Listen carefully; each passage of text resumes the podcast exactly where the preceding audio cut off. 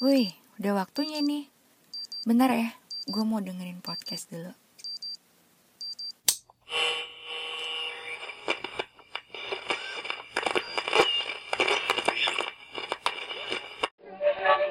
Halo, selamat datang di podcast Ngalur Tidur bareng Afri. Pada podcast jarak jauh ini, gue bakalan ngobrol dengan narasumber gue yang sekarang posisinya ada di Yogyakarta. Dia ini sarjana teknik mesin, zaman SMA-nya. Dia ini aktif di kegiatan Kopassus IT Divisi TKJ atau Teknik Kerja Jaringan. Dan juga dia itu ikut Student Day Elektro. Nah, tapi belakangan ini dia sedang menggeluti usaha sayuran hidroponik.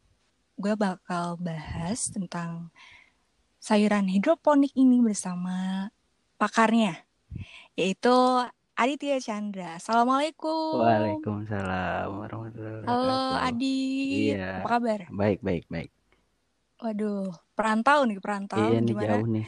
Jauh banget. Kon- kondisinya di di Jogja gimana Dit, sekarang? Jogja alhamdulillah sih masih aman-aman aja. Masih Mm-mm. ya kalau bisa dibilang kayak biasanya nggak juga. Ya udah agak sepi lah. Lo di Jogjanya itu di bagian mana, Dit? Lokasi gua sekarang di daerah Banguntapan, Bantul. Itu tepatnya dekat kampus Universitas Ahmad Dahlan. Lo di Jogja dari tahun 2012 ya? Iya, gue di Jogja dari mulai tahun 2012. Tepatnya sih dari 2012 sampai 2017 itu gue kuliah. Jadi lima tahun Hmm. gue kuliah di Jogja, beres kuliah sempat balik dulu tuh ke Bogor, kisaran dua tahunan lah di Bogor. Kenapa akhirnya lo memilih Jogja kembali? Jog Jogja ya, milih Jogja kembali. Gimana ya? Jogja itu kayak kayak ada magnetnya gitu, kayak Woi. gue nggak nggak bisa jauh dari Jogja nih gitu kan cuman setelah kemarin itu pikir-pikiran sempat dua tahun di Bogor cuman ada sih yang menarik gue kenapa balik lagi ke Jogja gitu loh alasannya itu jadi ada teman gue itu dia manggil gue sebenarnya manggil gue buat Hmm. datang ke Jogja buat bantuin dia bisa dibilang dan gue pun ditawarin kerjaan sama teman gue itu makanya gue balik lagi ke Jogja karena gue di Bogor juga belum ada kesibukan makanya gue balik ke Jogja Lo kan seorang sarjana teknik mesin. Lalu sekarang punya usaha sayuran hidroponik. Itu asal mulanya itu gimana, Dit? Iya, kadang aneh gitu kan ya Mm-mm. dulu kuliah kuliah teknik mesin nih tiba-tiba punya bisnis istilahnya terjun di dunia pertanian gitu ya Iya sebenarnya benar. kalau untuk bisnis ini ya kalau bisa dibilang itu gue udah dari dulu sih punya rencana eh, suatu saat nanti gue punya pengen punya bisnis itu di bidang bahan pangan cuman kan ketika gue pikir dulu itu gue belum ada tujuan nih ke mana nantinya bisnis itu yang intinya itu bidang pangan lah istilahnya nah Mm-mm. setelah gue ngobrol-ngobrol kemarin sama teman gue dan akhirnya yang memutuskan lah untuk memilih hidroponik ini untuk bisnis gua ini gitu. Dari tahun Sebenarnya gue mulai bisnis hidroponik itu dari 2019, 2019 bulan-bulan Agustus lah. Gue gue mulai hidroponik itu. berarti lumayan baru ya. Iya lumayan, masih dibilang baru sih. Ya baru jalan sekitar tujuh bulanan kurang lebih. Susah nggak, Dit? Kalau bisa dibilang susah, ya ada aja sih susahnya sebenarnya. Ya ada susahnya, ya ada gampangnya. Dan kalau susahnya itu dulu itu lebih ke ya wajar lah ya ketika orang mau berbisnis. Lu mau berbisnis, eh, lu kan pasti bingung nih nantinya ketika lu punya barang, lu mau coba jual ke mana nih. Mm-mm. Nah, awalnya gue sempat kayak gitu. Jadi gue sama teman gue itu ya sempat ada discuss dulu lah. Jadi ketika mau mulai bangun ini kemarin tuh gue pengennya tuh gue punya pasar dulu nih. Baru Mm-mm. gue coba bikin instalasi. Cuman teman gue bilang ya udah kita bikin instalasi dulu baru kita jual gitu dan akhirnya ya ya itu gue ikutin apa kata teman gue ya udahlah kita bikin bikin instalasi dulu gitu loh hmm. lah toh ketika kita punya produk jadi pas kita tawarkan nih ke customer kita udah punya produknya gitu loh. Kita punya produk yang kita hasilkan gitu. Awalnya susah nggak nyari lahannya? Misalnya kan kalau uh -uh, misalnya tuh iklim uh -uh. ya iklim kan berpengaruh sama tanaman. Nah uh -uh. nah balik lagi tuh ke situ. Gue sebenarnya awal terjun ke hidroponik itu gue memanfaatkan lahan uh, seadanya. Jadi awal mula gue bangun hidroponik itu gue bangun di belakang kontrakan adiknya temen gue jadi dia kan kontrak nih. Dia dia kuliah di UAD tuh. Dia kuliah di UAD dia ngontrak. Dia ngontrak belakangnya kan kosong tuh. Ada lahan kosong lah gue manfaatin lah sama temen gue di situ. Hmm lahan kosong itu buat bikin instalasi hidroponik. Awal mula kita bangun hidroponik di situ. Tanaman apa Dan pertama kali? Awal mula tanam itu, gua awal mula tanam itu lumayan sih. Ada kangkung, terus bayam hijau, bayam merah, ada selada air, ada pakcoy, ada cesim. Awal-awal gua tanam itu sayurannya hidroponik pun gue nyari tahu nih istilahnya kayak sayuran nih gue awal mula gue main sayuran tandur. Bisa lah istilahnya sayuran itu hidup. Tapi kualitas yang apa yang kita inginkan itu jauh gitu loh. Dan hmm. ternyata sayuran itu sendiri pun punya karakteristik wilayah masing-masing gitu. Gue belajarnya dari situ sih kemarin itu. Berarti nggak semua tanaman itu bisa ditanam secara hidroponik ya? Kalau untuk hidroponik ya jelas karena ya ada memang ada berbagai tipe macam tanaman yang memang dia tidak bisa ditanam di hidroponik contohnya kayak kalau yang gue jalanin ini ya mm-hmm. gue juga mau coba tanam asparagus dan ternyata asparagus ini nggak bisa ditanam model hidroponik karena asparagus itu yang dipanen nantinya tunasnya gitu loh. Mm, nah, iya. si tunas ini butuh pohon induk. Nah, pohon induknya ini kan istilahnya gede. Kalau hidroponik kan mainnya model paling di pipa kalau nggak di pipa pakai styrofoam. Nah itu nggak mungkin nggak nggak memungkinkan untuk dibikin hidroponik. Kalau asparagus itu khusus memang dia harus di tanah gitu. Dan sama umbi-umbian lah. Umbi-umbian yang agak besar itu nggak bisa. Kayak ya ubi singkong itu nggak bisa di hidroponik gitu berarti uh, nanamnya itu sama kayak di tanah gitu? Maksudnya cuma beda medianya aja ya? Iya beda lebih kepada beda media doang sih beda media. Istilah ketika keuntungan untuk hidroponik itu sendiri ya kita sih emang enaknya kita nggak perlu nyangkul lagi kita nggak perlu nyangkul lahan hmm. kita nggak perlu nyampur tanah dengan kompos kita nggak perlu menggemburkan tanah gitu. Dan hidroponik lu punya instalasi lu punya bak penampungan ya udah lu isi air lu isi nutrisi sayuran lu tanam sayuran itu bisa turunan gitu. Dan jangan dan jalan jangan salah nih jangan salah. Istilahnya sayuran nih.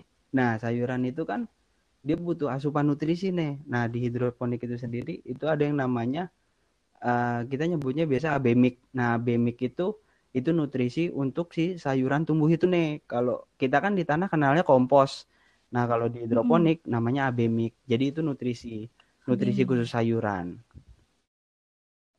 ini jadi menarik nih ya Dit kalau lo upload nih uh, sayuran-sayuran hmm. lo, yang gue lihat tuh itu mulus-mulus hmm. banget.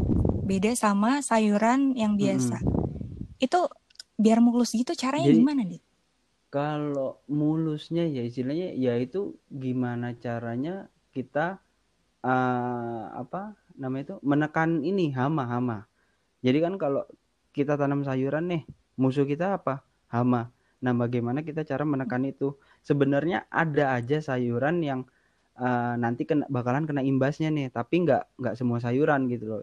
Jadi kayak gue misalkan kasih contoh nih persentase penanaman kayak gue tanam 100% nggak mungkin 100 persennya gue panen dong karena ada yang tersortir karena itu kena hmm. hama lah terus dia nggak bisa tumbuh dengan baik. Jadi kemungkinannya dari 100% yang gue tanam kemungkinan sekitaran 85% itu yang bisa gue ambil. Jadi ketika awal tanam itu gue udah ada persentasenya sendiri nih gimana caranya dapetin uh, hasil sayuran yang nantinya bakal gue panen dan itu pasti gue lebihin nggak gue pasin gitu.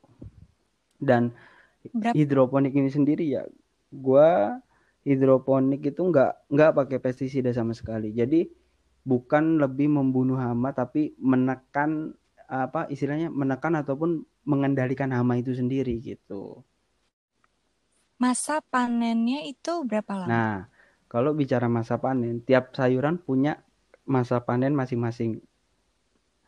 Pengalaman gue tanam masa panen paling cepet itu kangkung. Kangkung dua, umur 25 hari itu udah bisa mulai dipanen. Istilahnya dari gua mulai nyemai ya, nyemai awal mm-hmm. sampai gua panen itu umur 25 hari kangkung udah bisa dipanen. Cuman kayak sawi-sawian terus selada itu paling enggak di kisaran umur 40 45 hari baru bisa dipanen. Tahannya tahan berapa lama kalau di udah setelah panen gitu? Uh, eh, gue tanya sama customer gue ya istilahnya uh, orang-orang yang beli sayuran di gue jadi ketika mereka pesen nih gue panenin kalau kata mereka ketika mereka menyimpan sayurannya itu di kulkas ya itu bisa tahan hmm. sampai kisaran lima hari karena gue manennya hmm. itu emang akarnya gue ikutin Jadi pas uh, didistribusiin juga akarnya masih, masih ada? ada. Nggak nggak gue nggak gue hmm. potong.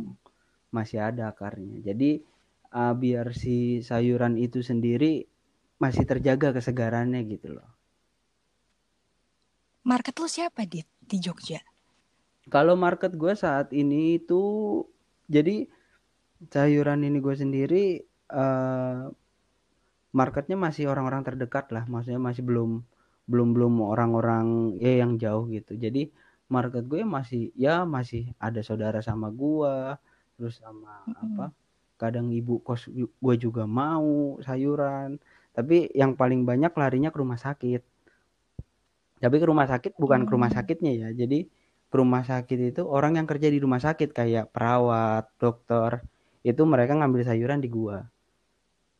Hmm, bukan buat dijadiin menu ini ya menu bukan ya? bukan. Jadi lebih kepada uh, si itunya dokter perawat gitu. Ya istilahnya gue dapat end user lah. Hmm, mm -mm. nah di masa-masa pandemi kayak gini bagaimana? Mm -mm. apakah pemesanan meningkat atau menurun? Kan kita dianjurkan untuk mengkonsumsi makanan yang sehat. Mm -mm yang berserat juga. Nah ini uh, gimana? Kemarin itu bisa dibilang gue sempat kaget juga ya istilahnya ketika gue kan biasanya kan modelnya kan PO nih. Jadi seminggu hmm. sebelum panen gue biasanya udah ngasih tahu nih uh, farm gue seminggu lagi bakalan panen nih. Jadi siapa yang mau gitu ya, siapa yang mau pesan gue kasih list gue panen sayuran ini ini ini ini gitulah ya. Terus ketika list masuk kaget juga kemarin yang biasa beli cuman si ikat dua ikat kemarin ada yang sampai hmm. lima ikat satu orang kan wow. jadi ada peningkatan gitu loh di situ ada peningkatan permintaan gitu untuk sayur sayur sayuran gitu lebih ke ibu rumah tangga sih ya ibu rumah tangga kan emang butuh ya dan pada masa pandemik hmm. ini juga mungkin ibu rumah tangga itu juga udah udah nggak kepengen ya istilah mereka ke pasar gitu loh ke tempat-tempat hmm. yang itu ada keramaian gitu kayaknya udah mengurangi. Jadi mereka lebih kepada pengen yang instan lah istilahnya. Ya dia bisa dapat sayur, ya kita bisa antar gitu.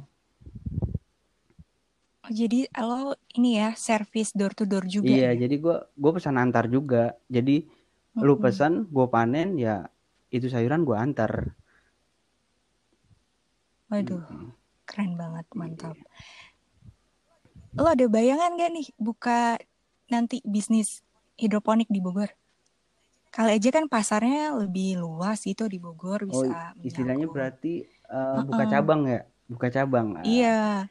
Sebenarnya kepikiran untuk buka cabang tuh ada, cuman kan dari segi sayuran itu sendiri aja gue lagi fokus di Jogja nih gue kan sekarang kan lagi ngembangin uh, jadi awal hidroponik ini gue ya hidroponik awal gue cuman punya satu meja istilahnya satu meja instalasi satu meja instalasi itu ukurannya 4 kali 2 meter dan itu menghasilkan sekitaran 450 lubang tanam lah dari 450 hmm. lubang tanam itu gue bisa menghasilkan kisaran 13 kg sayur Nah sekarang gue lagi bangun di daerah daerah Argo Binangun, Pakem Sleman. Nah ini agak besar nih lahannya karena ini gue nyewa, gue bangun di atas tanah 200 meter persegi. Nah itu bisa menghasilkan sekitar 2000 lubang tanam. Dan itu kalau sekali panen itu bisa menghasilkan sekitaran 2 ton sayuran. Gitu. Iklim kelembapannya Sleman itu bagus ya? Nah, kenapa gue milih Sleman ya istilahnya Argo Binangun ini nih Pakem. Jadi mm ada customer uh, dia pedagang pedagang kebab lah. Gue nggak nyebutin mereknya ya kebab kebab apa pokoknya dia mm pedagang kebab. Uh, dia bilang ke gue nih, uh, Mas Bro, saya kemarin cari lettuce susah nih nah gue kan belum punya pengalaman tuh tanam lettuce gue kan kemarin hmm. tuh tanam ya cuman itu doang sebatas lada air kangkung bayam uh, sawi-sawian gitu ya ketika ada permintaan itu gue coba nih tanam di bawah jadi si lettuce ini itu dia kayak selada air cuman dia kayak kubis lu tau kubis kan engkol engkol bulat Nah, dia selada cuman dia ngekrop bulat. Nah, itu namanya lettuce, lettuce iceberg. Itu dipakai buat kebab. Gue coba tanam lah di bawah. Karena ada permintaan kan, ya sayang nggak gue ambil. Pas gue tanam, ternyata di farm gue yang bawah ini nih nggak bisa, nggak bisa hmm. ngekrop dia. Tumbuh sih tumbuh, cuman dia mekar terus, nggak bisa ngekrop kayak kubis gitu. hmm. gitu. Padahal kan yang gue harapkan itu dia bisa ngecrop sampai kubis apa kayak kubis gitu loh bonggol gitu bentukannya nah alhasil gue searching lah gue cari tahu sana sini sana sini gue belajar dan ternyata dia punya istilahnya dia punya ini sendiri lah kriteria sendiri untuk uh, dataran dan ternyata hmm. paling enggak lu mau nanam lettuce paling enggak lu harus di 600 mdpl nah makanya lah gue cari-cari dari Google Map tuh wilayah mana nih yang kisarannya bisa masuk nih gue tanam lettuce ini dan akhirnya gue menemukan Hargo Binangun itu Pakem Sleman dan gue bakalan nyoba di situ tanam lettuce. Wah iya. luar biasa ya. Jadi kalau misalnya lo mengekspansi usaha lo ini bisa nanam di beberapa wilayah ya tergantung jenis yeah, sayuran. Jadi balik lagi nih jenis sayuran apa yang mau kita tanam. Jadi emang dia ada sayuran yang bisa ditanam di dataran rendah, ada yang menengah, dan ada yang memang dia benar-benar harus di dataran tinggi gitu. Jadi nggak semua sayuran bisa ditanam di berbagai macam keadaan lingkungan gitu. Dia punya karakteristik masing-masing lah. Presentase tumbuhnya itu kalau misalnya kita mulai nih di lahan yang hmm. kecil, kita nanam misalnya kita mulai dari 20 20 bibit lah. Mm -hmm. Itu bakalan numbuh semua atau ada yang mati?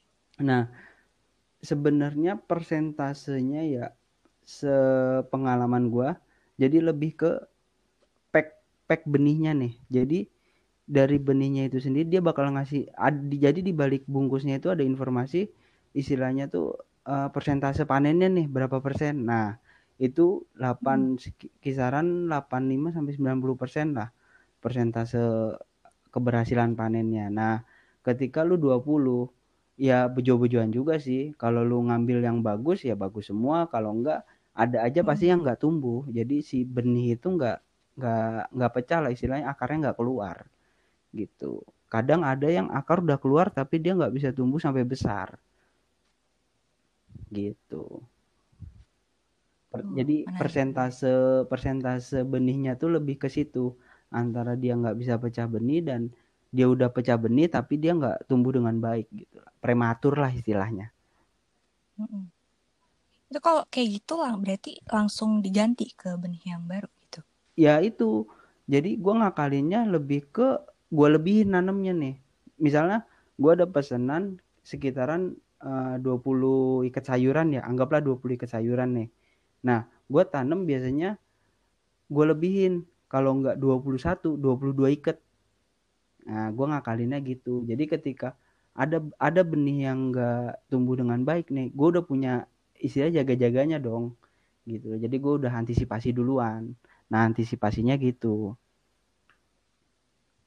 Hmm, jadi lebih baik kita kalau misalnya mau memulai hidroponik itu misal mau nanam sekitar awal kita 20, lebih baik itu kita uh, ya ngelebihin gitu lebihin. ya, lah ha, ha, ngelebihin kita bibitnya. lebihin. Jadi kayak lu mau nikmatin 20 nih ya lu tanam 22 apa 23 nah syukur-syukur kan lu bisa bisa nikmatin 20 ini nih ya syukur-syukur bisa lebih Mm-mm. 21 apa 22 gitu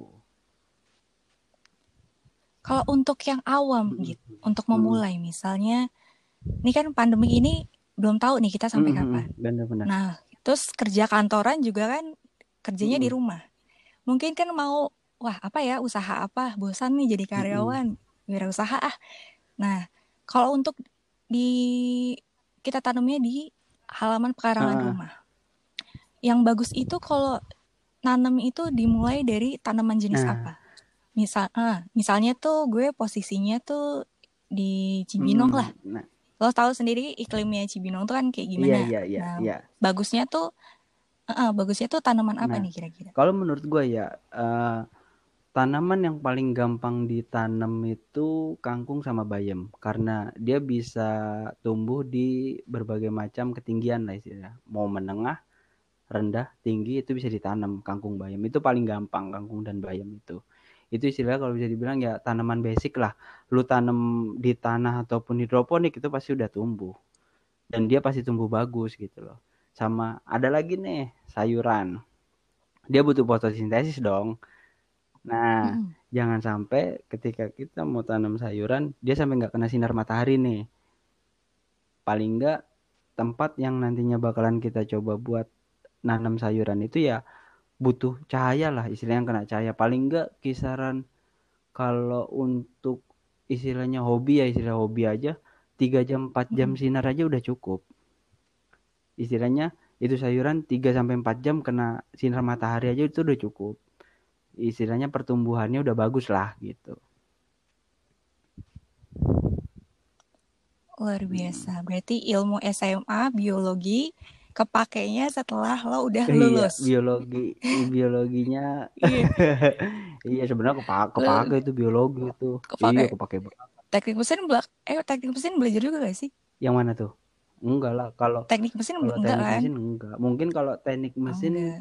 gue lebih ke ininya aja sih lebih ke apa kayak gue mau modifikasi nih mungkin eh, hidroponik gue mau full otomatis semua nah itu bisa masuk gitu jadi dari mulai dia tanam sampai dia panen itu udah mesin semua nah itu bisa masuk. Kalau gue bahas hidroponik ya hidroponik itu banyak lah macam instalasinya. Kayak ada NFT ada DFT ada rakit apung nah itu tiap itu beda-beda gitu. Beda-beda instalasi lah. Ya bisa panjang lah kalau gue bahas itu. Hmm. Yang lagi lo pakai kalau gue gue yang lagi gue pakai di kalau yang di bawah ya kalau yang di belakang kontrakan Mm-mm. adanya teman gue itu gue pakai sistem NFT itu gue pakai pipa peralon. Cuman kalau yang lagi gue garap di daerah Hargo Binangun di Sleman itu gue pakai rakit apung. Model kolam sama styrofoam yang diapungin. Jadi gue nggak pakai pipa yang di Hargo Binangun itu yang di Sleman. Nah, di untuk teman-teman yang denger ini ada tips gak gimana cara mau memulai menanam tanaman hidroponik? tip tips dari gue ya. Kalau Hmm. emang teman-teman pengen hidup sehat lah istilahnya kayak kita coba tanam sayur nih. Nah sayur itu kan kita yang rawat sendiri nih. Pola perawatannya seperti apa? Dan istilahnya jadi kayak kita tanam kita panen nih kita bisa bisa merasakan sayuran segar loh. Kalau kita beli dari luar kita belum belum tentu tahu nih itu sayuran bakal diperlakukan seperti apa gitu loh. Kayak mm -hmm. ada yang pakai pestisida sedangkan pestisida itu bahan kimia ya dan itu pun ada bahayanya gitu loh. Buat sayuran aman aman dari hama. Tapi ketika dikonsumsi oleh manusia kita nggak pernah tahu karena itu bahan kimia gitu loh. Dan ada yang udah tidak pakai pestisida tapi dicucinya di mana nih? Kemarin ada yang pernah bahas katanya hmm. daerah Jakarta. Jakartanya mana? Ya adalah daerah Jakarta. Jadi ada di sebuah pasar itu. Jadi mobil pickup nih nganter sayuran sebelum masuk ke pasar. Katanya nyuci sayurannya di kali anjir. Ah, iya sih kalau yang gue dengar-dengar sih kayaknya gitu kalau hmm. di pasar. Jadi nyucinya pakai air nah, kali. jadi kan buat teman-teman yang mau mau pindah ke pola hidup sehat nih hidroponik bisa istilahnya kita coba di rumah gitu loh. Dan ketika kita coba tanam sayuran itu sayuran nggak nggak susah lah. Paling enak pagi istilahnya tanam ya udah seterusnya sampai panen lu cuman perawatan doang. Perawatan paling cuman ngecek hmm. kebutuhan nutrisi dia udah cukup apa belum terus lihat pertumbuhannya gimana bagus atau enggak kalau ada hama ulet ya tinggal lu lu ilangin lah lu ambil lu ilangin lu ambil nah ketika lu panen lu bisa merasakan hasil sayuran lu sendiri itu yang jelas tentunya lebih sehat dan lebih bersih. Iya benar-benar gue ngerasain sih waktu kemarin tuh sempet nanam jahe, nah. cabe sama kenjur. Nah. Walaupun dapetnya dikit tuh enak ya, jadi mau masak tinggal ambil. Jadi jadi kayak kayak ada kepuasan tersendiri gitu kayak iya, kita yang bener, merawat, kita yang nanem dan ya kita yang merasakan hasil panen itu sendiri gitu loh. Kita kita merasakan ya hasil kita lah gitu. Atau mungkin nanam toge ya? Hmm, toge paling gampang itu. nanam toge. SD, iya, dulu diajarin kan? Iya, SD TK juga diajarin iya, nanam toge. Paling gampang itu nanam toge iya. itu, paling gampang.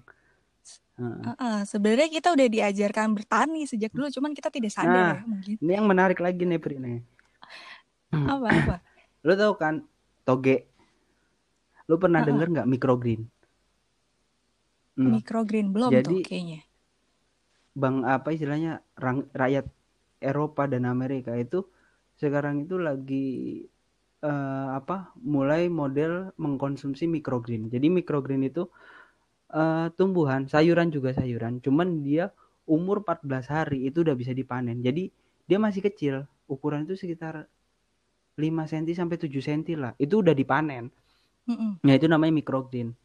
Ada yang pernah bilang e, lucu juga ya orang kita pengen pola hidup kayak orang luar negeri nyobain microgreen. Padahal kita sendiri nggak mm. tahu lalu konsumsi toge itu konsumsi microgreen. Oh, iya, ya, gue bertahu. Iya, bener banget itu istilah toge itu ternyata ya microgreen gitu loh. Ya rakyat kita udah dari zaman dulu udah udah nikmatin microgreen. Uh-uh. Eropa Amerika baru sekarang nikmatin microgreen gue juga gue juga iya, kaget mungkin iya, kurangnya pengetahuan to ya toge toge juga empat belas hari juga udah bisa dipanen dan itu tumbuhan istilahnya kecambah kan ya microgreen itu pun kecambah gitu benar, loh benar. kecambah dan ya ya ya menarik gitu loh kadang lucu juga sih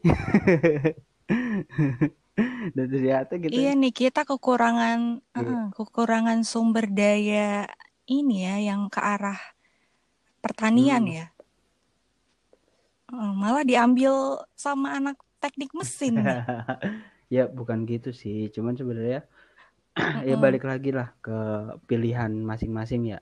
Gue pun nggak nggak nggak mau menyalahkan untuk uh, mm mereka yang dulu kuliah pertanian terus habis itu mereka tidak melanjutkan pertanian ya gue nggak mau menyalahkan gitu loh. Mereka punya hak masing-masing untuk pilihan hidup mereka gitu loh. Lah atau mereka yang menjalani gitu benar-benar kan. tapi kan dari satu sisi kita punya kesempatan istilahnya. Lah toh yang pertanian aja pada lari hmm. lah kita nggak punya saingan dong.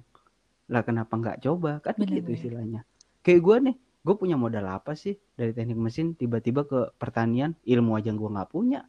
Lah tapi beda beda lagi ketika anak pertanian lari ke bisnis bahan pangan ya. Ya mereka mungkin dari zaman kuliah itu udah belajar tentang ya bagaimana merawat tubuhan yang baik seperti apa. Jadi mereka mulai itu udah punya modal ilmu. Lah gue boro-boro. Salah mulu gagal mulu. Eh tapi enaknya di situ sih istilahnya gue bisa belajar gitu loh. Jadi gue dapat hal baru lagi lah istilahnya. Gue belajar hal baru. Gue belajar banyak lah istilahnya tentang dunia pertanian dan persayuran. Gitu. Iya benar banget.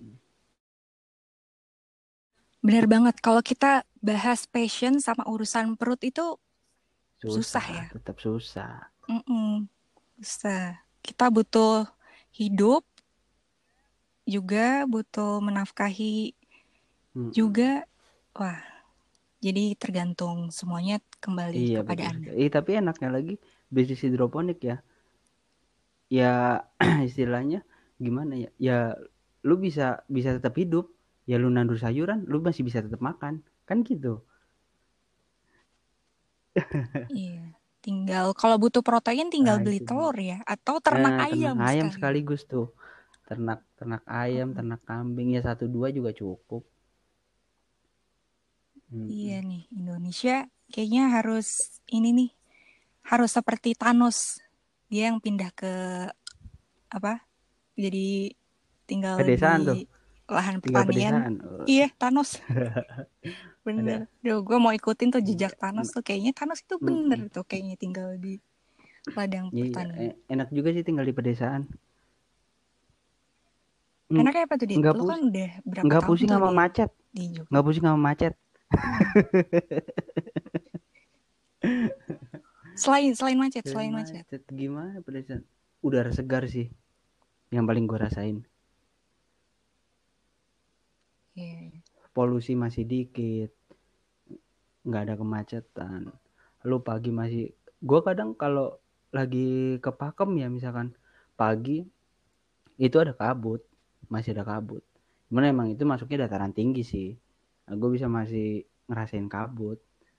Udara sejuk udara dingin. Jadi lo kebalik ya pulang kampung malah ke kota. Bener gak? Gimana gimana? Iya jadi lo kebalik pulang kampung malah ke kota. Bener gak? Bukan dari kota malah pulang ke desa ya gue ya? Iya. Iya uh -uh. malah dia lo dari desa pulang ke kota iya. waduh Padahal di Indogreen kan ada ada sawah bukan di sebelah Indogreen, mana gitu? Masih masih ada sawah sih masih ada sawah. Ya perumahan uh -uh. gue bisa dibilang ya masih ya itu juga sih desa juga. Desa cuman uh, ini ya kepadatan penduduknya kan nggak nggak sama seperti iya, dan, Jogja kan. Dan tentunya yaitu industrinya. Industrinya ada banyak dekat perumahan gue itu di mana ada perindustrian ya di situ pasti ada kemacetan. Iya. Wah, panjang nih kalau misalnya kita diceritakan bakalan ada part selanjutnya. Mungkin kita mau bahas apa nih part selanjutnya? Apakah berkenan saudara? Boleh, boleh. Uh, buat teman-teman yang istilahnya yang pengen apa lebih lanjut istilah apa? belajar tentang hidroponik boleh kita kita sambung lagi mm -hmm. nanti nanti bakalan gue siapin uh, hidro hidroponik kan kayak tadi gue bilang nih macam instalasinya banyak. Nah ada instalasi mm -hmm. apa? Terus instalasi apa yang cocok kita gunain nih nantinya buat buat kita awal mula percobaan gitu. Macam-macam lah. Nah kalau misalnya ada teman-teman yang mau konsultasi mengenai hidroponik ini bisa menghubungi Adit ke mana? Boleh, boleh nggak apa-apa. Tahu eh, DM Instagram mungkin Instagramnya namanya langsung apa? aja. Kalau emang mau tanya-tanya masalah hidroponik ya langsung aja uh, eh, DM ke Instagram gue itu namanya Aditya Chandras. Chandranya pakai S. Aditya Chandras. Oke, nanti bakalan ada di caption iya, nih ya. Iya, iya.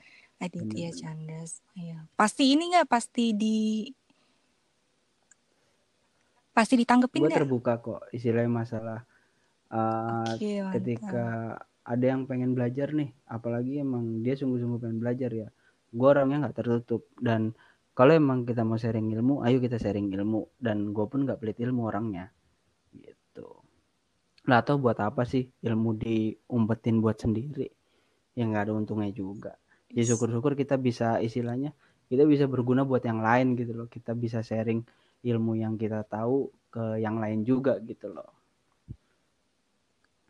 Luar biasa ini Adit. Sangat berbeda sekali waktu zaman ah, sekolah ah, dulu. sa sama aja lah sama aja. Enggak kalau sekarang kan mungkin lebih ini ya lebih dewasa lebih komunikasinya lebih bagus. Sering ketemu dengan orang-orang juga. Jadi cara apa cara penyampaiannya juga udah bagus ya, keren banget ya. Ya masih gini-gini aja sih tapi oh, oh yaudah. kita doakan semoga Adit sukses amin, amin, amin. dan bisnisnya amin, lancar amin. dan iya kalau bisa buka di Bogor Dit. Biar gue bisa mesen nih boleh boleh. Sebenarnya ada juga sih yang nanya istilah lu buka di mana? Lu gue buka di Jogja. Ih jauh. Kalau deket pengen gue mm -mm. ya gampang lah besok next step lagi lah pelan pelan Iya, semoga iya. rezekinya lancar terus buka di Bogor. Ya. Amin. Dit, gak kerasa nih udah hampir setengah jam kita ngobrol. Luar biasa ilmunya iya. banyak banget sih gue dapat. Uh, jadi nggak usah ribet-ribet nonton YouTube orang yang gue nggak paham mungkin terus baca-baca artikel lebih ringkas nanya ke anak ke uh, teman sendiri lebih enak. Tapi gue gue uh, pengen cerita sedikit nih, gue sambung lagi ya awal awal yeah, yeah, awal mulanya cerita kadang cerita menarik juga. Jadi ketika gue gue gue juga dulu itu sempat istilahnya dilanda kebingungan lah ya. Ketika gue udah milih gue mau hidroponik ini apa yang mau gue lakuin nih gitu loh. Nah dulu jadi awal mula gue mau hidroponik gue baca baca tuh artikel dari Google gue lihat video di YouTube. Ya istilah baca baca lah gue gali informasi tentang hidroponik gue dapet tuh ya informasinya. Nah gue nggak istilahnya nggak cuman apa telan mentah-mentah lah informasi yang gue dapet. Nah gue coba cari di Jogja orang yang emang dia udah duluan di hidroponik gitu loh.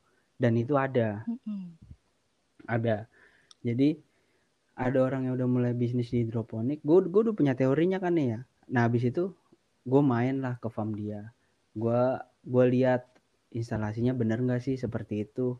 Terus uh, apa teori yang gue dapetin dari Google ataupun dari YouTube bener nggak sih seperti itu? Pengaplikasiannya bener nggak sih?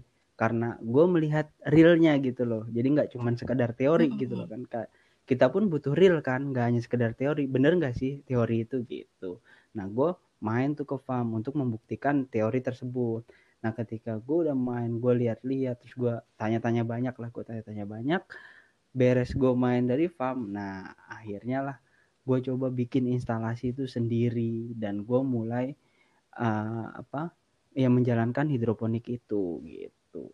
Gue udah dapat informasi gue udah main ke farm dan langsung lah terjun gitu. Dan gue merasakan ya pahit pahit manisnya hidroponik lah Jadi nggak instan iya, ya, ya, Pak? Iya, tetap ya ada prosesnya lah, nggak instan. Nah, menarik banget. Kadang bahkan kita udah tahu teorinya ternyata kita apa menemukan ini istilahnya hambatan yang lain gitu. Hambatan baru lagi. Pasti ada aja tuh hambatan baru, hambatan baru. Gitu. Iya yang di luar ekspektasi Yo, kita kadang sekali. tuh suka datang. Oke. Waduh. Entah saya harus bayar atau tidak ini. Kita kayak lagi ada di workshop ini ya, tanam menanam hidroponik. Ih besok kalau kalau farm, farm atas sudah jadi, misalkan ada teman-teman yang lagi visit Jogja, boleh visit ke farm kita. Asik. yes. Semoga pandemik ini amin, cepat kelar. Semoga nggak sampai amin. lebaran. Jadi pas lebaran tuh dia iya, bisa kumpul sama keluarga dan uh -uh. mudik ya luar biasa Dit iya, makasih yeah, banyak iya, waktunya sama-sama uh, uh, udah mau menjadi hmm. narasumber hmm. gue pada malam ini luar biasa ilmu yang didapat iya. banyak banget tapi, tapi ba bagus sih kayak gini kita bisa jadi ya kita sambil belajar istilahnya stay at home kan butuh ya butuh asupan lah ya istilahnya asupan-asupan yang Bener. positif juga kan itu bagus Gak kerasa udah di penghujung rekaman ini. Adit lagi di Jogja, gue di Bogor. Walaupun kita nggak ketemu, walaupun jaraknya sangat jauh, semoga kita sama-sama dilindungi dan Amin. dijauhkan dari penyakit Amin. ya. Amin. Amin. Oke, akhir kata gue iya, Apri. Ya, gue Adit. Terima kasih udah mendengarkan. Sampai ketemu lagi di okay. podcast selanjutnya di Ngalor Ngidul okay. bareng Apri. Wassalamualaikum warahmatullahi wabarakatuh. Warahmatullahi wabarakatuh.